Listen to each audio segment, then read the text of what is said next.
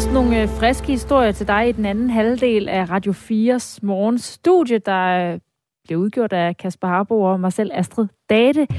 Vi skal blandt andet øh, tilbage til vores, øh, ja, en af vores store historier i dag, som ikke er genåbning, men som er det her med, at Bispebjerg og Frederiksberg Hospital godt vidste igennem næsten to år, at mange patienters mulighed for erstatning var i risiko for at falde for en 10-årig forældelsesfrist, uden at patienterne blev, øh, fik besked om det. Øh, det var også nu her med i nyhederne, og det handler altså om patienter, der fik foretaget en meget kritiseret og eksperimentel ankeloperation, og de blev opereret tilbage i 2010 og 2011, så nu er det simpelthen for sent at få øh, mulighed for at søge erstatning hos patienterstatningen fordi de ikke er blevet gjort opmærksom om det, selvom hospitalerne godt vidste det allerede tilbage i 2019. Vi skal høre, hvorfor de ikke har fortalt dem det fra hospitalsdirektør på Bispebjerg og Frederiksberg Hospital, Christian Antonsen, og det gør vi 20 minutter over 8. Om lidt skal vi høre, hvad minkavlerne glæder sig til at tale om i retten på Frederiksberg, hvor minkkommissionen arbejder. Vi skal også se nærmere på øh, PFAS-forureningen, hvor antallet af steder, der udgør en sundhedsrisiko, nu er opgjort til at være steget til det dobbelte. Det oplyste Miljøstyrelsen i går eftermiddags. Vi taler med Miljøstyrelsen. Og så har jeg en opfølgning på Disney og dvæve, vi talte om i går, Kasper. Super. Jeg har drengenavnsstatistik af rigtig spændende karakter, og så er der jo fødselsdagsquiz. Det er Mozarts fødselsdag. Du godeste, hvor får vi travlt? Der er kun 53 minutter. Velkommen til Radio 4 Morgen, siger Astrid Data Kasper Harbo.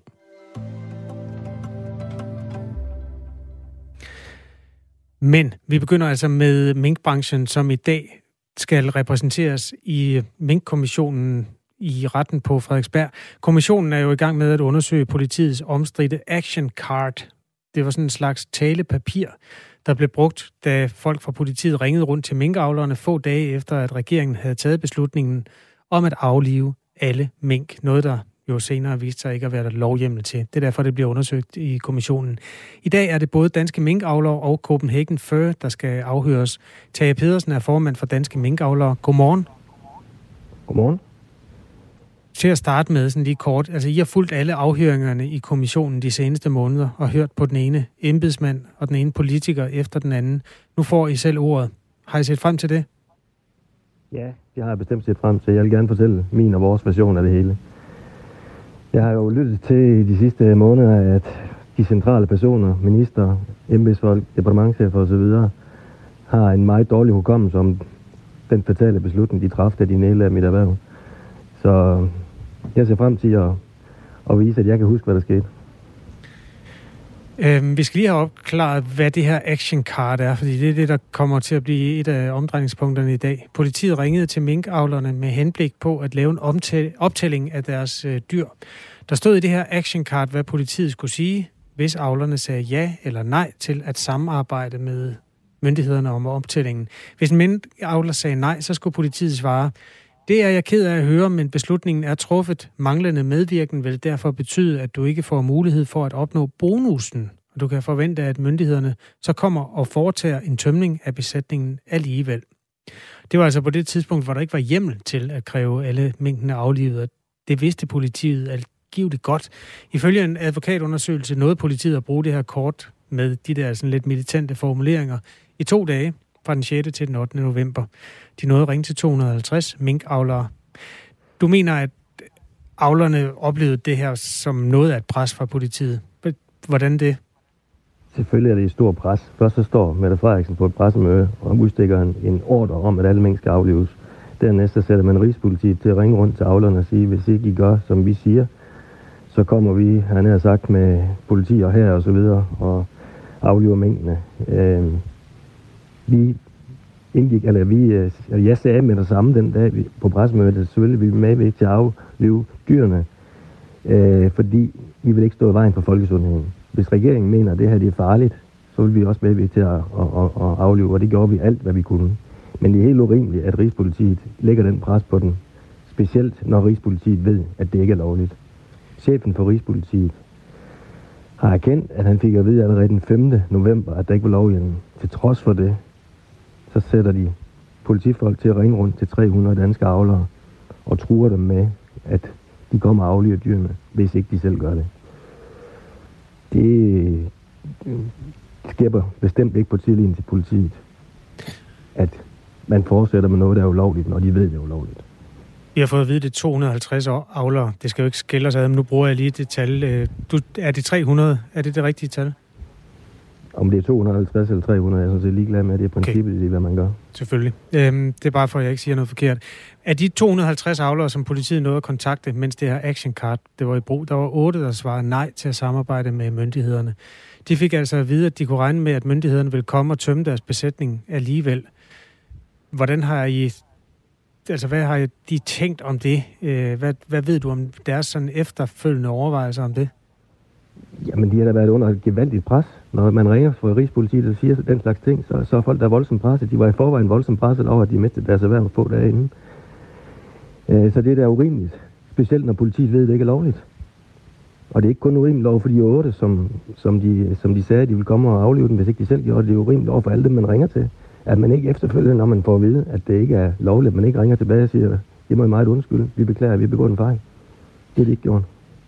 I kommissionen er politiet blevet spurgt ind til, om de må tænkte, at de her over 200 minkavlere, der sagde ja til at samarbejde, kunne have gjort det, fordi de følte et pres ved at blive ringet op til af politiet. Det, det er selvfølgelig ikke nødvendigvis politiets opgave, eller hvad skal man sige, det er ikke politiet, der kan afgøre, om minkavlerne følte et pres. Det, det, det er det, du giver udtryk for, at de gjorde. Hvordan vil du... Hvad... Når det bliver ringet fra Rigspolitiet og siger, at man skal gøre sådan og sådan. Hvordan vil du betone det overfor, altså vigtigheden af det, når du kommer i retten i dag? Jamen, det vil jeg sige ganske klart, at det er helt utilfredsstillende, at politiet har gjort det. Det er også helt utilfredsstillende, at de ikke går ud med en undskyldning til de avler, de, de har ringet til. Politiet ringede øh, efterfølgende kun til de otte avlere, der sagde nej og beklagede. Er det jeres indstilling, at politiet skulle have ringet til dem alle sammen? Ja, selvfølgelig skulle det. Politiet har under afhøringerne i kommissionen sagt, at man ringede for at informere avlerne om den bonus, som også er nævnt i øh, actionkartet, altså at avlerne vil få lidt flere penge for at aflive deres mink hurtigt, og derfor var det vigtigt, at der blev lavet en officiel optælling af dyrene. Anerkender du, at det var vigtigt? Nej. Hvorfor ikke? Det er en biting. Statsministeren afgiver en ordre den 4. november om, at alle mink i Danmark skal aflives. Det opfatter alle minkavler som et, en ordre. Så det, det har ikke noget med bonus at gøre. Vi skal ikke aflive dyrene af hensyn til en lille bonus. Vi skal aflive dyrene, fordi vi får det at vide af regeringen og statsministeren. Og det omkring bonus, det behøver politiet ikke at ringe rundt og fortælle om. Jeg er formand for, for de danske minkavlere, og det skal jeg nok fortælle minkavlerne om, at det er en bonus, og det gør jeg selvfølgelig også. Tage Pedersen, jeg har lige et sidste spørgsmål til dig. Øh, lyden er en lille smule ulden på dig. Jeg ved ikke, om du kan holde din telefon lidt anderledes, eller, eller sådan noget, eller om den måske bare... Nej, nej, det kan jeg faktisk ikke. Jeg kan ikke holde den tættere på, så går den ind i hovedet. okay, nej, det skal vi ikke have. Øhm, ved du hvad, vi, vi gør det lige færdigt i ro af. Der var ikke hjemmel til, at alle mink blev aflivet, da politiet ringede rundt. Det kom der så senere, så minkene skulle øh, aflives alligevel, og politiet har også givet udtryk for, at man har jo ikke hvad hedder det, tiltvunget sig adgang til nogle farme, hvor der ikke var hjemmel til det. Hvor, hvor er det, den fysiske skade er sket i din optik? Det er, at man ringer rundt med en trussel, som ikke er rigtig. Man har ikke lov til at ringe og, og sige det, man sagde. Og det presser nogle mennesker, som i forvejen er voldsomt hårdt presset. Tak fordi det, du var med. Det er ikke nogen ændring for mængden. Mængden skulle aflives alligevel. Men ja. det giver en stor ændring for de folk, der bliver presset. Okay. Godt, undskyld, jeg lige fik afbrudt dig her til sidst, Tage Pedersen, men øh, det du siger er, det, det gør ikke nogen øh, forskel. Mængden skulle have været afledt livet alligevel. Ja, men det gør en stor forskel for de avlere, som bliver ringet op og som bliver presset hårdt af politiet. Tak fordi du var med. Øh, afhøringerne i dag og i morgen er altså sidste planlagt, planlagte afhøringer i Mink-kommissionen. I morgen er det blandt andre Rigspolitichef Torgel Fode, der skal afhøres. Den del af kommissionens undersøgelse, der handler om den manglende hjemmel til at aflive alle mink, ventes at være klar inden 1. maj. Og undersøgelse af det her omtalte action card, som det hed, altså det stykke papir, som politifolkene læste op af, når de ringede rundt til folk, den del af undersøgelsen skal være klar til sommer, til juli. Det her er Radio 4 morgen, klokken er kvart over 8 hvis man først begyndte at sladre til, øh, til politiet, og så, øh, så vil man måske lige pludselig ligge om i en mørk gyde. Krimiland med Julie Bundgaard. Han synes ikke, at han selv er en slem kriminel. Find Krimiland som podcast og lyt med lørdag kl. 17 her på Radio 4. Radio 4 taler med Danmark. Kasper, vi skal lige have en øh, kort opfølgning fra noget, vi talte om i går. Hi ho, hi ho, it's home from work we go. Det er selvfølgelig øh, de syv små dvæve i øh, Disneys klassiker Snehvide. Fordi Disney har taget til genmale efter, at Peter Dinklage, altså øh, en skuespiller, som er, øh, har dvævevækst, og som man måske kender fra Game of Thrones, han kritiserede selskabets kommende live-action genindspilning af Snehvide. Altså Disney har de seneste år genindspillet Junglebogen, mm. Rose, alle deres klassikere, men med menneskelige skuespillere. Og Peter Dinklage, han kom med en fantastisk ledigt standpunkt, nemlig at der er jo ikke nogen, der kunne forestille sig, at syv dværge ville slå sig ned sammen med en kvinde øh, på den måde, som det foregår i Snevide. Og det kommer altså fra en mand, der har været med i Game of Thrones, hvor der er drager og alt muligt sort magi. Ja, han var altså ude med riven, fordi han mener, at Disney på den måde er med til at forstærke nogle stereotyper om mennesker med dværgvækst. Ja. Øhm, men sådan forholder det sig altså ikke. Hvad for noget er det? Øh, de er ikke med til at forstærke de her stereotyper, eller lave historier om syv mænd, der bor i en jordhule med, øh, med en øh, kvinde. Siger hvem? Det siger Disney selv. De har simpelthen været ude, en uh, talsperson fra konglomeratet til uh, The Hollywood Reporter, og siger sådan her, for at undgå forstærkede stereotyper fra den oprindelige animerede film, tager vi en anderledes tilgang til de syv karakterer. Vi har konsulteret os hos medlemmer af dværgvækst-samfundet, og vi ser frem til at dele mere, når film, filmen går i produktion efter en lang udviklingsperiode. Det er jo ikke noget svar. Læs det lige op igen. For at undgå at forstærke stereotyper fra den oprindelige animerede film, så tager vi en anderledes tilgang. De vil ikke afsløre, hvordan. For fanden. De gør noget nyt med de her syv korte mennesker. Det kan være, de slet ikke er så korte. Altså, man kan jo godt definere sig som dværg, hvis, selvom man måske er 1,85 meter. Ja. Er det det, man, den åbning, man kunne...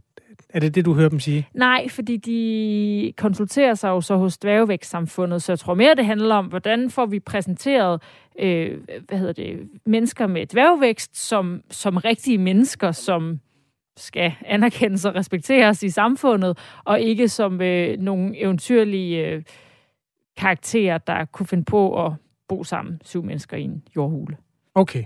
Så altså en eller anden form for... Nej, det er jo ikke en jordhul. De bor i et hus. Nu, øh, ja, det er fordi, vi også snakker om Ringenes Herre i går. Her ja, det er ikke sammen. Løgn. Ja, og hobitterne. Hobitterne, har de, meldt, har de sagt noget? Nej, vi har ikke hørt noget fra hobitterne. Okay. Men øh, vi får altså svaret øh, først næste år. 2023 kan vi øh, forvente den nye Disney-film, som jo også har en kolumbiansk snevide. Så allerede der, der mm. har de altså øh, udviklet på historien. Jeg er ekstremt glad for, at du holder kort snor i den historie, Astrid. Tusind tak for opdateringen. Det lød næsten, som om du mente det.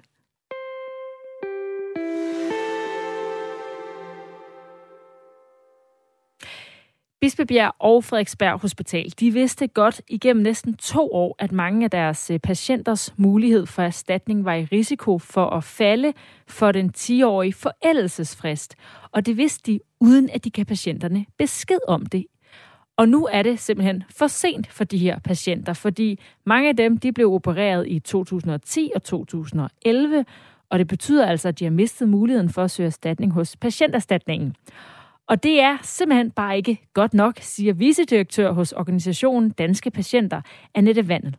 Vi tænker, det er øh, uforståeligt, og det er kritisabelt, øh, altså, at man først giver besked to øh, år efter, og Særligt fordi, at man har været helt velvidende om, at det vil betyde, at nogle patienter ikke kunne få erstatning. Og når man så kigger på den besked, som patienterne så endelig får over to år efter, så er den heller ikke klar og direkte. Man oplyser jo faktisk heller ikke om, at øh, man skal være opmærksom på 10-årsfristen. Som Radio 4 undersøger har kunnet afsløre, så har flere end 500 mennesker fået udført en ankeloperation, hvor der er brugt tvivlsomme og eksperimenterende metoder, som i flere tilfælde har ført til kroniske skader hos patienterne. Operationerne blev stoppet i 2018, men først her fire år senere har Bispebjerg og Frederiksberg Hospitaler sendt brev til patienterne, hvor de fortæller om muligheden for at få erstatning. En agtindsigt i den her korrespondence mellem Bispebjerg og Frederiksberg Hospital og Patienterstatningen viser dog, at Patienterstatningen allerede i efteråret 2019 gjorde hospitalet opmærksom på, at der eksisterede en række sager om erstatning til patienter, der altså har fået udført den her omtalte operation. Og i det brev opfordrer patienterstatningen til, at alle patienter får besked om muligheden for erstatning hurtigst muligt, netop for at undgå, at nogen ville falde for den her forældelsesfrist på 10 år. Det skete så bare ikke, og nu står der altså minimum 30 patienter med potentielt invaliderende ankler og uden mulighed for at få den erstatning. Hospitalsdirektør på Bispebjerg og Frederiksberg Hospital, det er dig, Christian Ansonsen. Godmorgen. Godmorgen. Der er altså gået to år fra, at I blev opfordret af patienterstatningen til, at I rent faktisk sendte information ud til patienterne. Og det har så betydet, at minimum 30 patienter nu står i en situation, hvor det ikke er muligt at søge erstatning, selvom man har modtaget en operation, der er forbundet med behandlingsskader. Hvordan kan det ske? Ja, altså først og fremmest håber jeg ikke, at, at det tal er så højt, som du siger, 30, men, men det skal vi nok blive klogere på hurtigt. Øh, øh, som jeg også var inde på, da vi talte sammen for et uger siden, så, så var det her jo en, en ret omstændig proces at finde de her patienter frem, og der jeg gav nogle eksempler på, hvorfor det tog så lang tid.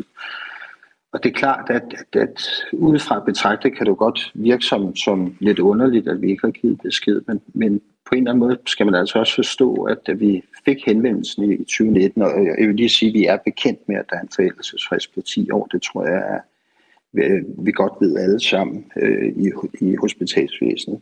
Men da vi fik henvendelsen i 2019, der, der var der altså tale om, at, at der var på det tidspunkt 14 anmeldelser til patienterstatning, hvor otte af dem var behandlet, og af de otte var de seks afvist, og de to havde fået tilkendt erstatning. Så det er fair at sige, at vi ikke vidste på det tidspunkt, at der var tale om en, ja, det, man har omtalt som en masse skade. Øhm, så, så det er nok begrundelsen for det. Så kan man så spørge, om, om, om to år er, er lang tid øh, at vente, og, og det er det jo i, i et perspektiv. Men som jeg også var inde på sidste gang, så var vores sigte, det var jo på intet tidspunkt være at gemme noget væk. Faktisk har vi kun været interesseret i først at få det stoppet, og så få belyst, hvad var det egentlig, der skete med de her øh, cirka 500 patienter. Og det er altså minimum 30 patienter, som øh, altså har potentielt invaliderende ankler på grund af operationer. Vi ved ikke, om tallet måske er højere end det, og som altså ikke har mulighed for erstatning. Men hvorfor tager det to år for jer at finde ud af, hvad omfanget er, og hvem I skal skrive til? Ja, det var vi lidt inde på sidste gang. Det er jo fordi, øh, og det har den ledende overlæge også beskrevet meget fint, at det var en omstændig proces at finde frem. Ikke så meget i øh, de seneste operationer, hvor vi har elektronisk patientjournal, det der er sundhedsplatformen, der kan vi relativt nemt finde men resten ligger altså i mikrofilmede filer, øh, hvor det har taget rigtig lang tid at finde dem frem, og hvor vi skulle igennem øh, øh, rigtig mange journaler for at finde dem frem, hvor øh, der var tale om det her indgreb.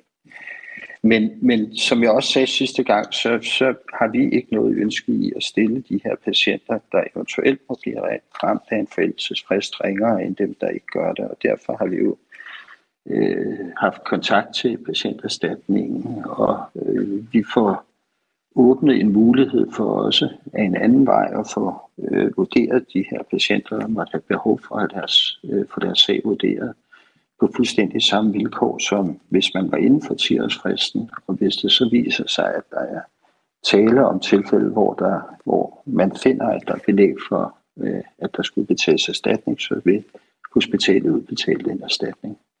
Så det var, som jeg også sagde sidste gang, vi har ikke noget ønske om ikke at stille de her patienter fuldstændig lige med, med de øvrige patienter. Og du siger også, at det har været et, øh, et stort og kompliceret arbejde for at finde frem til de her patienter i den her periode. Og det har vi faktisk øh, konfronteret en af de her patienter med, nemlig hende, der hedder Helle Hø Bask. Og prøv lige at høre, hvad hendes kommentar er til det. Det er fandme noget svineri, for at sige det rent sagt. Det bliver det virkelig harm over at høre. Øhm, og så kan det selvfølgelig godt være, at de, øh, jeg er de, vi kommer måske nok til at høre Bispebjerg sige, at der har været mange patienter, og det er svært at finde frem til journalerne, og hvad ved jeg, hvad de, ja, jeg kan jo ikke vide, hvad deres undskyldning er, men, men det kan jo ikke være rigtigt. Altså, Jeg kan forstå, at der åbenbart har været 500 patienter, der har fået den her. Øhm, så jeg vil nok sige, at der er fri mulighed øhm, for at finde frem til de mennesker, det drejer sig om. Christian Antonsen, du er altså hospitalsdirektør på Bispebjerg og Frederiksberg Hospital, hvor de her operationer er fundet sted. Kan du forstå, at Helle er frustreret over, at I ikke har kunne få styr på det her noget hurtigere? Jeg tror ikke, der er nogen, øh, der er involveret i den her sag på Bispebjerg øh, nu, som ikke er, meget påvirket og ulykkelig over øh, det, der er placeret.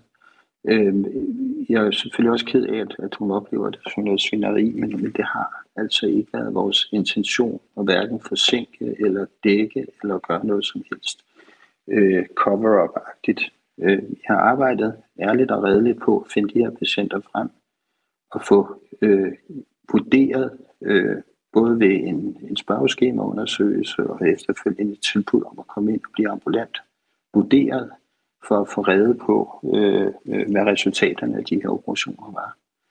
Øhm, var, og, og, var der noget, nu øh, hvor, det, det har jeg altså taget... Nu hvor du kigger tilbage på forløbet, altså øh, var der så noget, I kunne have gjort anderledes?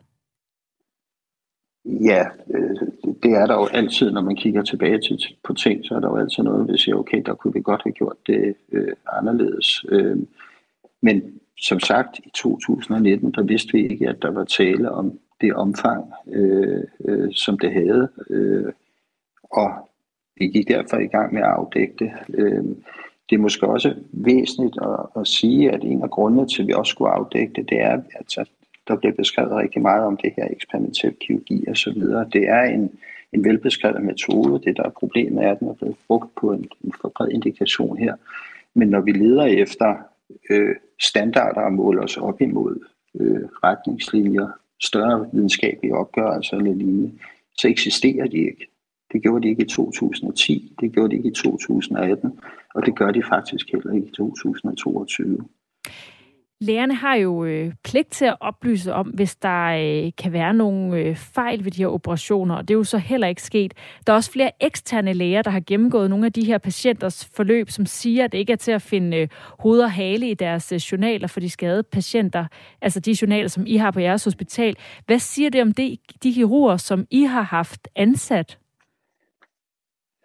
Jamen, øh, det, det synes jeg, jeg, jeg, jeg tror, sådan som jeg forstår det, der udtaler kirurgerne øh, sig selv i jeres programmer, og det vil jeg egentlig lade dem om at, at, at tale deres egen sag.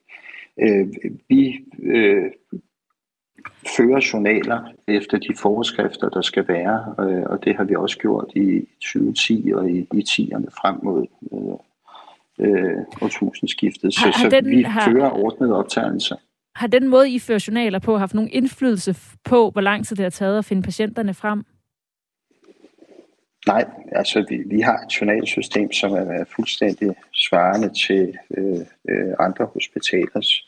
Men, men det har bare taget længere tid, fordi øh, det er ikke så svært nu, hvor vi har sundhedsplatformen. Der kan vi meget nemt finde de her patienter frem, men det fik vi altså først i, i 2016-17 stykker på Esbjerg Frederiksberg. Det har jo simpelthen øh, taget øh, så lang tid, at det simpelthen er blevet for sent for minimum 30 patienter at få erstatning, fordi der nu er gået mere end 10 år. Organisationen Danske Patienter, de foreslår, at der kommer en anden form for kompensation.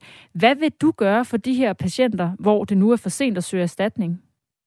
Jamen, men det, det, det nævnte jeg tidligere, at, at vi har øh, kontakt til øh, patienterstatningen, og selvom den, øh, den her øh, tidsgrænse er det, de kalder absolut, altså ufravillig 10 år, så øh, kan vi godt øh, i særtilfælde anmode patienterstatningen om at foretage en, en vurdering, og den vurdering er gældende, og hvis, hvis de, øh, altså det vil sige, at vi selv betaler patienterstatningen for at foretage den her vurdering, eller få konsulenter derinde til at foretage vurderingen. Og hvis den falder ud øh, med en, en, en votering, hvor man siger, at der er belæg for at udbetale erstatning, så kommer vi også til at udbetale en erstatning. Sagde altså Christian så, Antonsen, hospitalsdirektør, ja, på, vi har nyheder om lidt, så øh, det her blev sidste ord. Tak fordi du vil være med. Så lidt. Hospitalsdirektør på Bispebjerg og Frederiksberg Hospital. Det her er Radio 4 morgen. Du kan også skrive ind undervejs, hvis du oplever, at øh, du føler anledning til det. Eller hvis du har nogle erfaringer, der hører hjemme i et interview om øh, sådan en øh, hospitalerstatningssag, som den, der bliver ridset op her. Nu er der nyheder med Henrik Møring. Klokken er halv ni. Du lytter til Radio 4.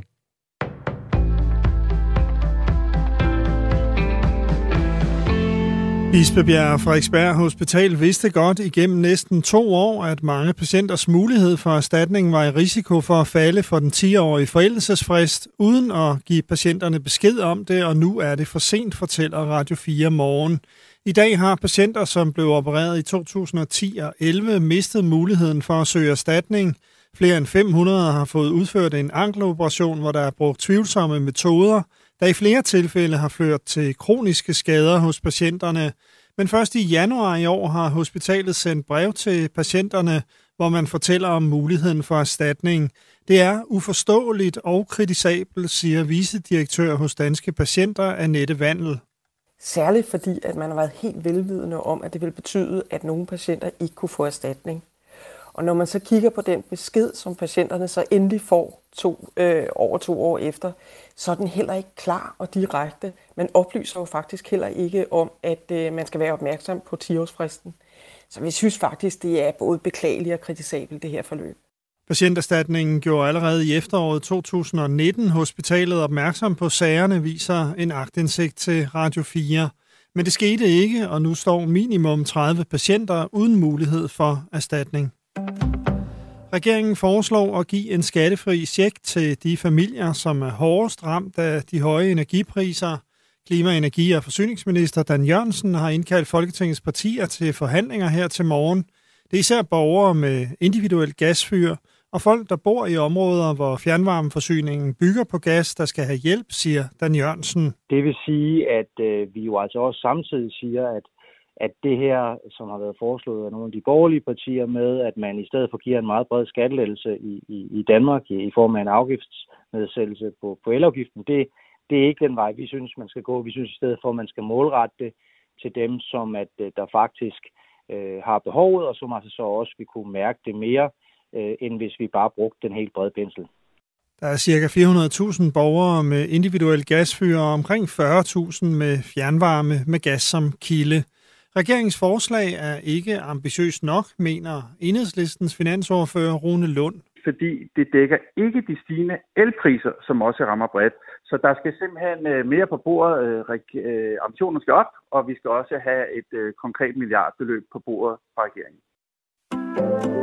Domstolene har fået travlt med voldtægtssager efter den nye samtykkelov. 2021 bød på mere end en fordobling i antal tiltaler for voldtægt. Der var sidste år 1680 sigtelser for voldtægt og 740 tiltaler, viser tal fra Rigsadvokaten, der også inkluderer anden kønslig omgang end samleje. I 2020 var der blot 340 tiltaler. Det er positivt, mener professor i strafferet ved Københavns Universitet, Trine Baumbach. Den stigning er udtryk for, at den nye samtykke øh, voldtægtsbestemmelse har været en succes, og det gør jeg, fordi at selvom en tiltale selvfølgelig ikke er lige med en domfældelse, øh, så vil øh, så er det sådan i, i, i dansk ret, at politi og anklagemyndighed kun rejser tiltale, når de mener, at der er beviser nok til, at det vil føre til en domfældelse. Professoren forventer, at flere fremover vil blive dømt for voldtægt, selvom det endnu ikke kan ses i tallene. Restaurationsbranchen jubler over genåbningen på tirsdag, hvor stort set alle coronarestriktioner falder væk. Det er jo glædens dag den 1. februar. Siger direktør i Horesta, Jannik Nytoft. Altså, vi har jo i to år været i øh, undtagelsestilstand i, øh, i branchen. Øh, der er tabt 28 milliarder kroner. Så ja, det hele er dog ikke godt. Der er fortsat mangel på arbejdskraft og færre udenlandske gæster. Står du mangler en kok, så er det jo hele vejen igennem restauranten eksempelvis, at man er hotel, du har en udfordring. Så det, at der er arbejdskraftmangel, er en kæmpe udfordring. Og et kig på vejret, skyde med regn, men det klarer op med lidt sol og spredte byer. Omkring 5 grader og frisk vind til cooling omkring vest.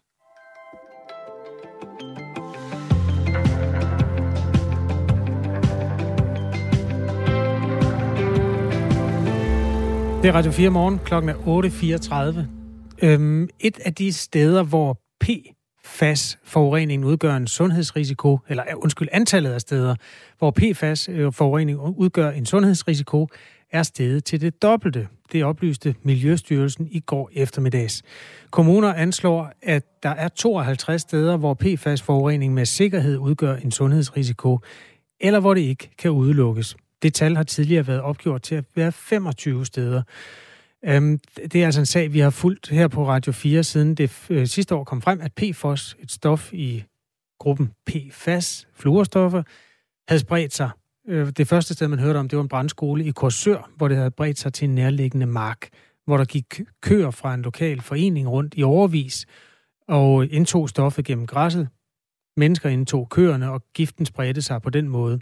Dengang talte vi med Mia Rasmussen fra Korsør, som selv sammen med sine to børn har fået målt en for høj værdi af PFOS i kroppen efter at have spist kalvekød fra de køer, der havde græsset på forurenede marker. Hun fortalte efterfølgende, da hun fik svar på, at hun øh, og hendes børn var ramt af PFOS-forurening sådan her det var jo simpelthen et kæmpe chok. Altså, det er jo et mareridt. Det er helt forfærdeligt. Altså, hvis man har en lille smule viden om PFOS, så er det jo ikke svært at forestille sig, hvor slemt det her det er. Og når man i forvejen, som jeg, er sådan en, der køber dansk økologisk og gør alt, hvad jeg overhovedet kan for at skåne mine børn for alt det her uønskede kemi, så kan det simpelthen ikke, altså, det kan simpelthen ikke beskrives med ord. Nu viser det sig altså, at øh, problemet med forurening, eller i hvert fald potentielt øh, øh, forureningsproblematik er vokset til dobbelt så mange steder. Jane Hansen er kontorchef i Miljøstyrelsen. Godmorgen. Godmorgen. Vi ved fra tidligere, at kolonihaver, græsarealer med køer og vandløb med fisk har været forurenet. Er der flere af den slags områder blandt de nye?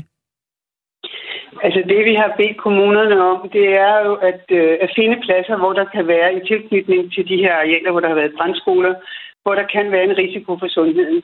Og det, der er blevet meldt ind fra kommunerne, det er, at der er arealer, hvor der kan være øh, græs, der bliver brugt til, til foder til dyr, der, bliver, øh, der går til konsum. Det kan også være græsne dyr, det kan være øh, fisk, muslinger, det kan være badevand. Der er forskellige, der er en lang række øh, forskellige øh, risici, kan man sige, knyttet til de her lokaliteter.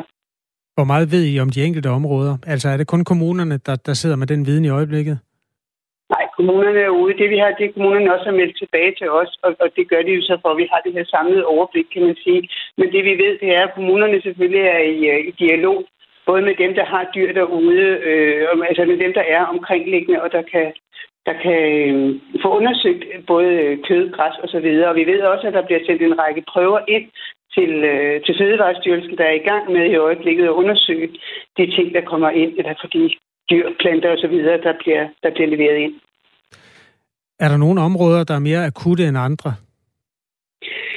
Altså det, vi er opmærksom på lige nu, det er, at kommunerne alle steder er i gang med at håndtere det, er i gang med at kigge på den sundhedsrisiko, at der, er, altså, der ligesom sker noget. Der er nogle enkelte steder, hvor kommunerne ikke har fået meldt ind, hvad det er, man er gået i gang med, og dem tager vi så kontakt til. Så det vigtigste er, at, øh, at, at der, er, der er ved at blive undersøgt de steder, hvor man overhovedet ved, at der kan være en risiko.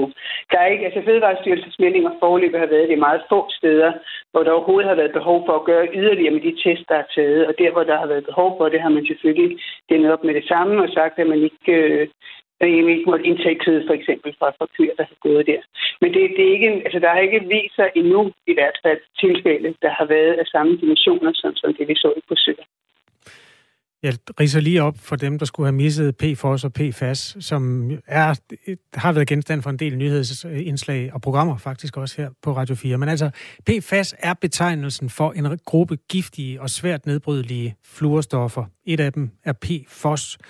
Stoffet blev brugt i det skum, som man slukker branden med, og taget ud af brug for godt 10 år siden, da man fandt ud af, at det indeholder giftige stoffer, som desuden er kræftfremkaldende. Efterfølgende er de her øh, jordforureninger så kommet frem, altså både græsmarker og vandløb. Øhm, konsekvenserne af de oplysninger, som så kommer nu, Jane Hansen, at der, altså omfanget er det dobbelte, at, er det simpelthen en fordobling af et stort øh, miljø og potentielt også sygdomsproblem?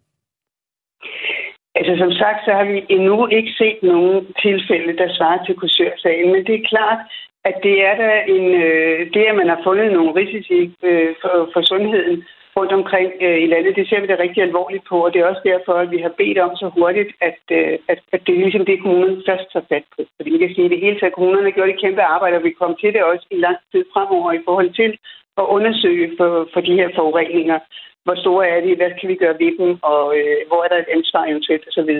Men, men altså lige nu, så drejer det sig om at få inddæmmet, at, øh, at der ikke er nogen øh, sundhedsrisiko, øh, som vi ellers har set det, eller der ikke er noget, vi skal have stoppet. Altså helt konkret, hvad er det for et arbejde, der venter nu?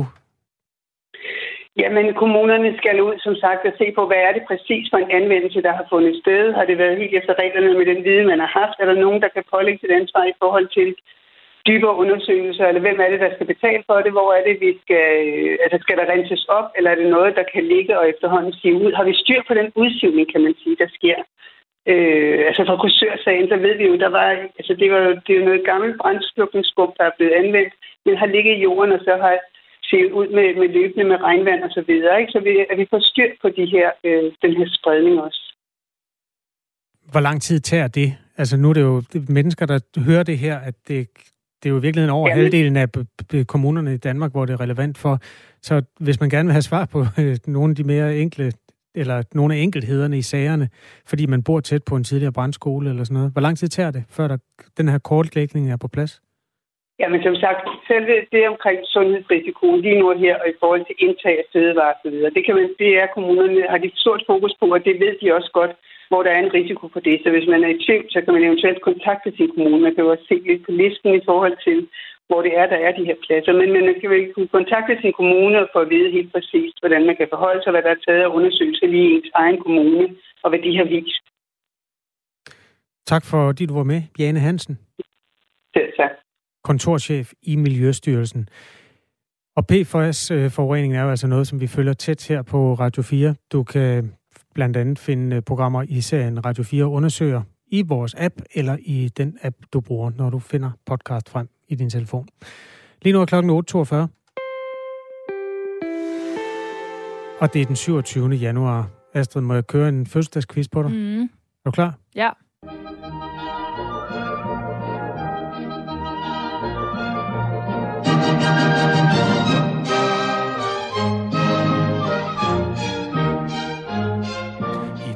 Er det Mozarts fødselsdag. Tillykke, Mozart. 266 bliver han. Ja. Den rigtige Mozart. Hvad er den falsk? Jamen, den kommer vi tilbage til. Okay. Den rigtige hed Wolfgang Amadeus Mozart, en af verdens mest berømte og dygtige komponister nogensinde. Det vi hører her, det er Tryllefløjten. Okay. En opera, hvor Mozart har skrevet musikken, så handlingen er skrevet nogle andre. Og handlingen øh, er noget med to elskende, der kæmper for at få hinanden.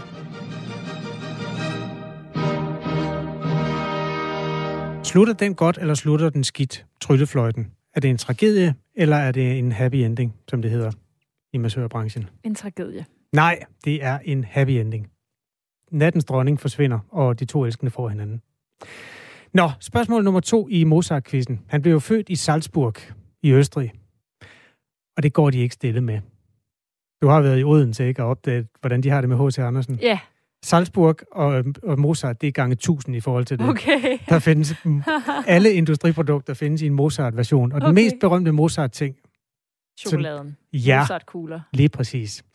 Hvad består den af? Du skal nævne mindst fire af, eller undskyld, mindst to af de fire ingredienser, som altid går igen i en Mozart-kugle. Øh, chokolade, Det er nougat. rigtigt. Rigtigt. Er der nød i? Nej, det er en, et nødrelateret produkt. Marcipan? Ja, også det. Øh, Den sidste er en, en grønlig nød. Du har den jo allerede. Du har tre ud af fire. Det, nu får du. Pistache? Nemlig. Dabei bestehen alle Mozartkugeln aus den gleichen Zutaten. Aus Schokolade, Nougat, Marzipan und Pistazie. Ej, hvor lækkert. Nemlig. Nå, men så har du en rigtig allerede, ja. Astrid.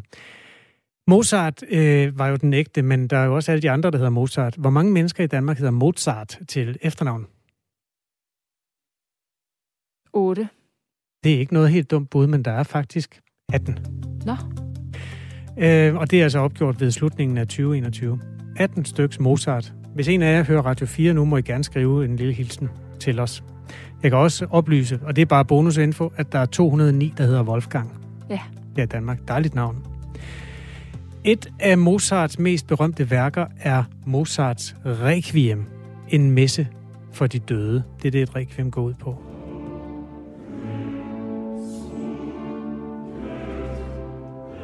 Mozarts Requiem er storslået og meget unikt, og han gjorde også noget ret unikt, øh, mens han komponerede det. Hvad var det, Mozart gjorde undervejs, da han lavede det her dødsmessen? Lavede han den til sig selv? På en måde. Han døde. Nå, Simpelthen. Det var nok. Mozart havde et skrøbeligt helbred ja. og levede over evne. Så det var det. Han døde midt i øh, den der. Så var der en af hans elever, der gjorde den færdig. Ja. Vil du have den igen?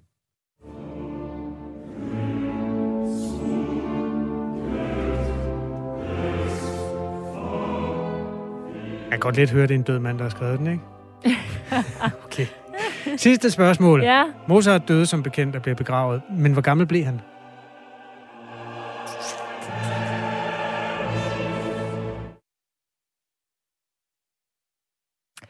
Altså, det er irriterende, fordi jeg har set den der Amadeus. Der var lavet en helt fantastisk film om ham. Mm.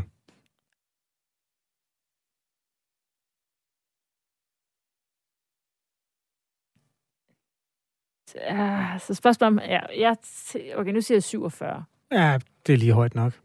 37. 35. 35. Ja, så han, han nåede, efter det, han nåede faktisk at skrive rigtig meget, selvom han var ganske ung. Ja, han, det, det er ikke alle 35-årige, der får sat sådan et aftryk på Det gik historien. ikke super godt. Øh, Jeg fik to ud af fem rigtige. Det er ikke så flot. Også øh, i betragtning af, at jeg selv har sunget requiem i klassisk kor og sådan noget. Så, øh, så gik det da ikke så godt med min Mozart-quiz.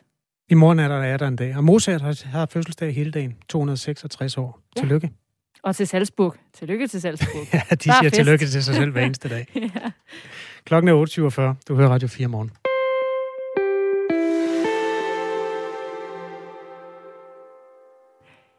Dansk Folkeparti vil øh, sammen med SF hive de danske soldater i Mali ud af landet igen, fordi at øh, tidligere der støttede partiet beslutning om at sende soldaterne afsted. Tidligere på ugen meddelte styret i Mali, at de danske soldater var gået ind i landet uden tilladelse og opfordrede dem til at forlade landet omgående. Søren Espersen, du er udenrigs- og forsvarsordfører for Dansk Folkeparti. Godmorgen. Godmorgen. Hvorfor mener du, at øh, de danske tropper skal forlade Mali, efter at de selv har stemt for, at de i første omgang skulle tage ned? Ja, altså nu, nu har jeg inden for det sidste år gjort klart over for udenrigsministeren, at næste gang der skete en, øh, en, øh, en øh, fornyelse af, af aftalen omkring øh, øh, Mali, så skulle vi ikke være med længere, så vil Dansk Folkeparti ikke være med længere. Og nu er det så blevet endnu mere aktuelt, fordi det hele er jo meget uoverskueligt. Altså jeg er endnu til gode at møde det, det menneske, der kan forklare mig, hvad der sker i, i den region. Og hvem er det, vi holder med? Så er det meget basalt spørgsmål fra skolegården. Hvem holder vi med? Det aner vi ikke. Og så kommer der et brev, øh, og så er, så er der 15 lande, der siger, at jo, men det er, det er meget uretfærdigt over for danskerne. Og vi er glade, for så får vi lov til at blive. Altså, der er ingen mening i det her. Og jeg synes, det er på tide, at vi kommer hjem. Vi startede den her øh, konflikt, den startede med noget, som havde egentlig med Frankrigs kolonihistorie at gøre, med, og hvor vi bare var med i starten for ligesom at hjælpe franskmændene. Det går ikke mere. Og, og må jeg lige tilføje en ting mere. Jægerkorpset bliver kun sendt afsted til, til, øh, til ting, der er farlige. Altså, når Jakobse kommer, så er det fordi, det er farligt at være der. Og det vil sige, at der er en overhængende livsfare, både for vores soldater selvfølgelig, men også øh, for det her hospitalspersonale, vi har. Og hvad skal vi der, om banalt sagt igen, hvem holder vi med? Altså årsagen til, at vi er dernede, er, at øh, i Mali skyldes, at landet i den seneste tid har været udsat for militærkup, og nu ledes af en militærjunta. Så derfor er der en operation på i alt 90 danskere, her blandt øh, jægersoldater, som du siger, og kirurger, som er en del af den franskledede taskforce Tagupa. Og i dag klokken, øh, ja, og i dag klokken 12, der er den her operation så på dagsordenen på et møde i, en i Udenrigspolitisk Nævn. Det var tilbage i maj, at et bredt flertal herunder Dansk Folkeparti, altså maj sidste år, støttede, at de danske tropper skulle udsendes i januar i år. Øhm, så det er jo ikke mere end et år siden, at de sagde, at det var en god idé, Søren Espersen. Hvorfor siger I nu, at det er en dårlig idé? Nej, vi sagde faktisk, at næste gang der kom en udsendelse, og det er nu, øh, så vil vi ikke være med længere og stemme for det. Det var det, vi sagde, øh, så det er lidt, lidt, lidt, lidt forskel på det. Men altså, lad, så har I, lad nu ikke, I har ikke støttet ja. den her udsendelse i januar? Den Nej, der, der, der meddelte vi udenrigsministeren dengang, og, og i øvrigt også flere gange i udenrigspolitisk nævn, at øh, næste udsendelse, så var det slut, så vi ikke med længere. Så det er sådan ikke, fordi vi går tilbage fra vores ord. Øh, det er vigtigt, at vi, får, at vi kommer hjem med vores soldater så hurtigt som overhovedet muligt. Hvad var det så, I støttede der i maj 2021? Jamen altså, det, vi har, vi, altså, der er jo masser, vi har været der stort set i over 10 år, med alle mulige forskellige udsendelser, ikke også? Og den sidste var så den, der kom her, og det er så den, vi, vi, vi siger, jamen så er vi ikke med længere. Så det, det er, jeg, vil, jeg vil hæve det, at vi faktisk præcis har gjort det, som vi sagde, vi ville. Og nu siger styret i Mali så også, at de helst vil have de danske tropper ud af landet. Har det også indflydelse på, at I nu siger det samme? Ja, selvfølgelig, men, men hvad, hvad, hvad er styret i Mali? Altså, øh, jeg kan ikke finde ud af det. Men det er jo ja. heller ikke øh, dig, der skal finde ud af det. Det er jo i virkeligheden forsvaret. Tror du ikke, at de har styr på det? Altså, jeg, jeg skal finde ud af som politiker, øh, hvorfor vi er der. Det, det er politikerne, der bestemmer, om vi er der eller ej. Det er jo ikke forsvaret. Så, så, så vi er nødt til at, at agere. Når vi siger ja til et eller andet, så sker det det, og når vi siger nej til noget, så sker det noget andet. Men forsvaret skal jo bare øh, gøre det, der bliver sagt fra politisk hold.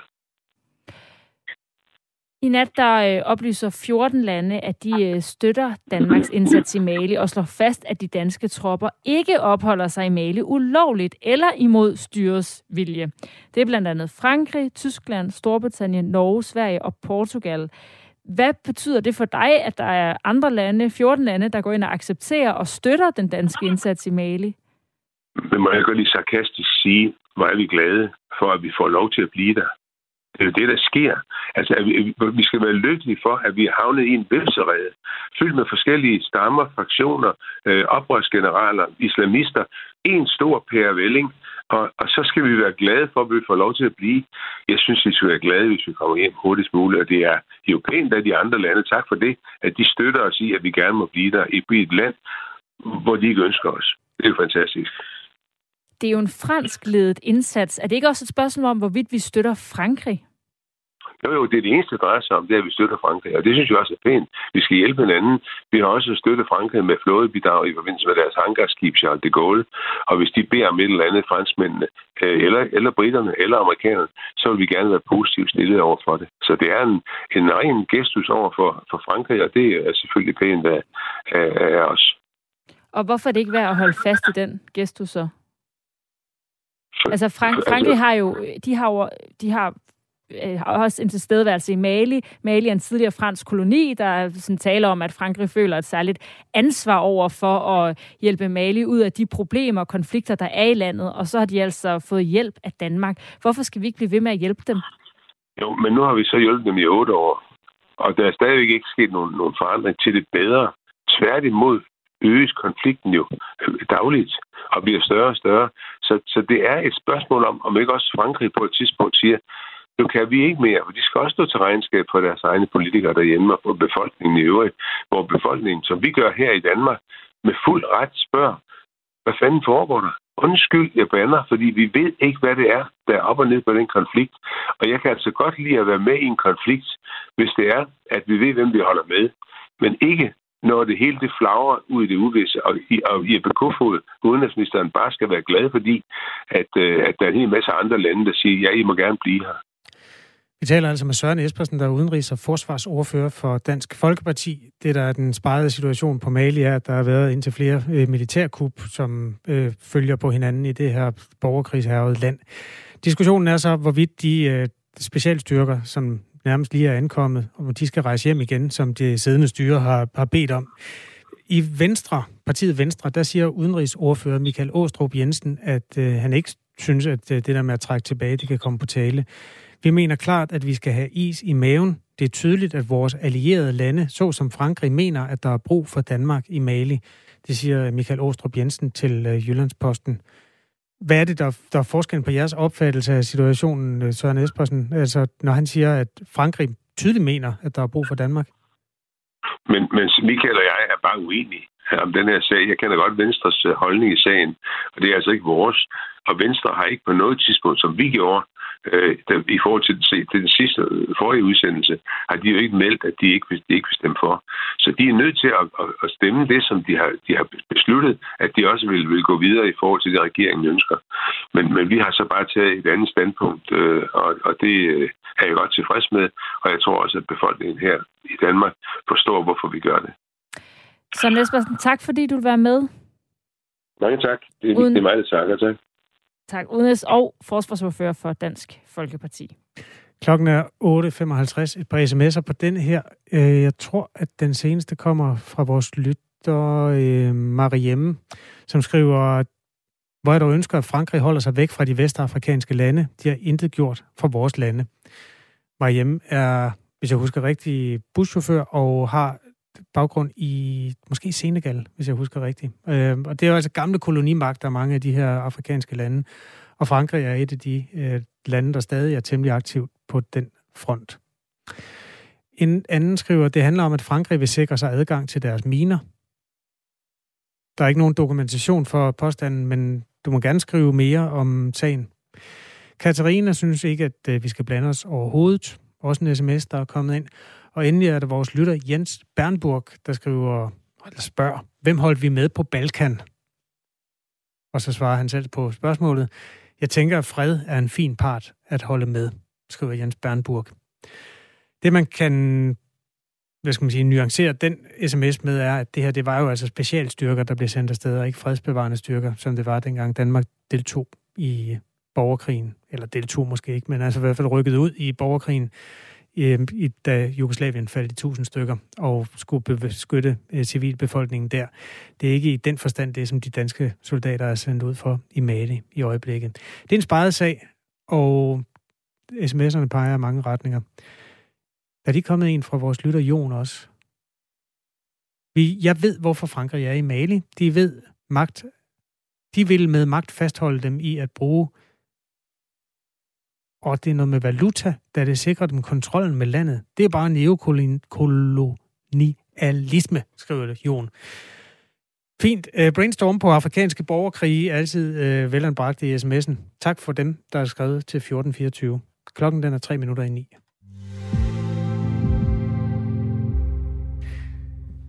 Nyhedspunkten har godt nok været sådan meget substantiel i dag. Jeg har nogle ting, som er mindre vigtige. Du har, du har fundet noget luft til os her til sidst. Jamen, jeg synes, der er, der er nogle forskellige. Øh, vil du helst høre øh, navnestatistik, eller vil du høre et resume af Ekstrabladets interview med Vladimir Andersen? Det første. Navnestatistik. Ja, godt. Jeg har dykket ned i... Jeg har jo sådan lavet det til en daglig foretagelse, at vi skal have... Det, vi skal kaste noget shine på de drengenavne, der er i fremgang. Det er sådan lidt uopdyrket i en medie branche, hvor alle efterligner hinanden. Der er ikke nogen, der har sådan et segment, så det har jeg. Tidligere på ugen øh, slog jeg et slag for navnet Henrik, som er i enorm vækst. Og nu øh, har jeg undersøgt hele tre navne. Børge, Bobby og Kai. Mm. Hvilket af dem tror du går bedst i øjeblikket? Kai. Kai går nemlig over stok og sten. Hele 42 fik navnet Kai i 2020. Kai øh, ramte bunden i 1995, hvor der var 0. Det var også på et tidspunkt, hvor Danmarks Radio havde lagt Kai og Andrea på is. Okay. Øhm, siden voksede det langsomt og stødt, og øhm, altså, det tog rigtig fart fra 2010, og, hvor der var 10 kajer, og så er det bare ikke sådan eksponentielt ligesom omikron, men sådan helt jævnt, ligesom noget andet, bare steget til de nuværende 42. På et tidspunkt skal vi lave et interview med Anne Glade om det, altså øh, mm. livsstilsforskeren, fordi hun har en øh, dreng, der hedder Kai. Okay. Men det bliver ikke i dag. Nej. Vil du høre om Børge og Bobby i al hast? Ja, der, det, de, der, de, de lyder lidt som sådan noget Olsenbanden, ikke? Børge og Kai. Der er noget ja. fint i, at der er sådan en, øh, sådan en øh, at alt kommer tilbage. Altså de der navne, der er noget generationsskifte i dem. Ja, nu siger du alt. Altså Børge er ikke kommet tilbage med Nå, 100 km i timen. Ja. Børge øh, svinger mellem 0, 1 og 2 om året. Og det har Børge faktisk gjort i de sidste 10 års tid. Nå, okay, der har ikke været en langsom stødt stigning. Nej, der har været et, et, en meget, meget lang pause, hvor børgerne var fuldstændig smidt i skammekrogen. Okay. Fra 1992, hvor Danmark øh, vandt EM i fodbold, til 2010, altså en periode på 28 år. Ja. Nej, det passer ikke. 18 år. der var der ingen, der hed Børge overhovedet.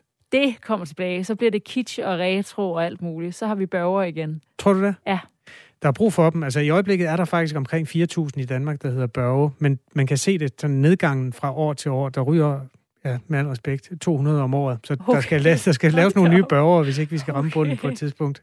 Det var mange børger, Ja. ja. ryger om året. Okay. Hvad med Bobby? Bobby er også i klar vækst og er helt oppe Okay. på, ni- på 9 Ja. i den seneste i statistikken. Så det er Børge, Bobby og Kai er tre navne, Jamen, der blomstrer. tak for navnenyt. Det kan være, at vi må gentage succesen i morgen. Lige nu er vi er nemlig ni. tilbage klokken 9 i morgen. Tak for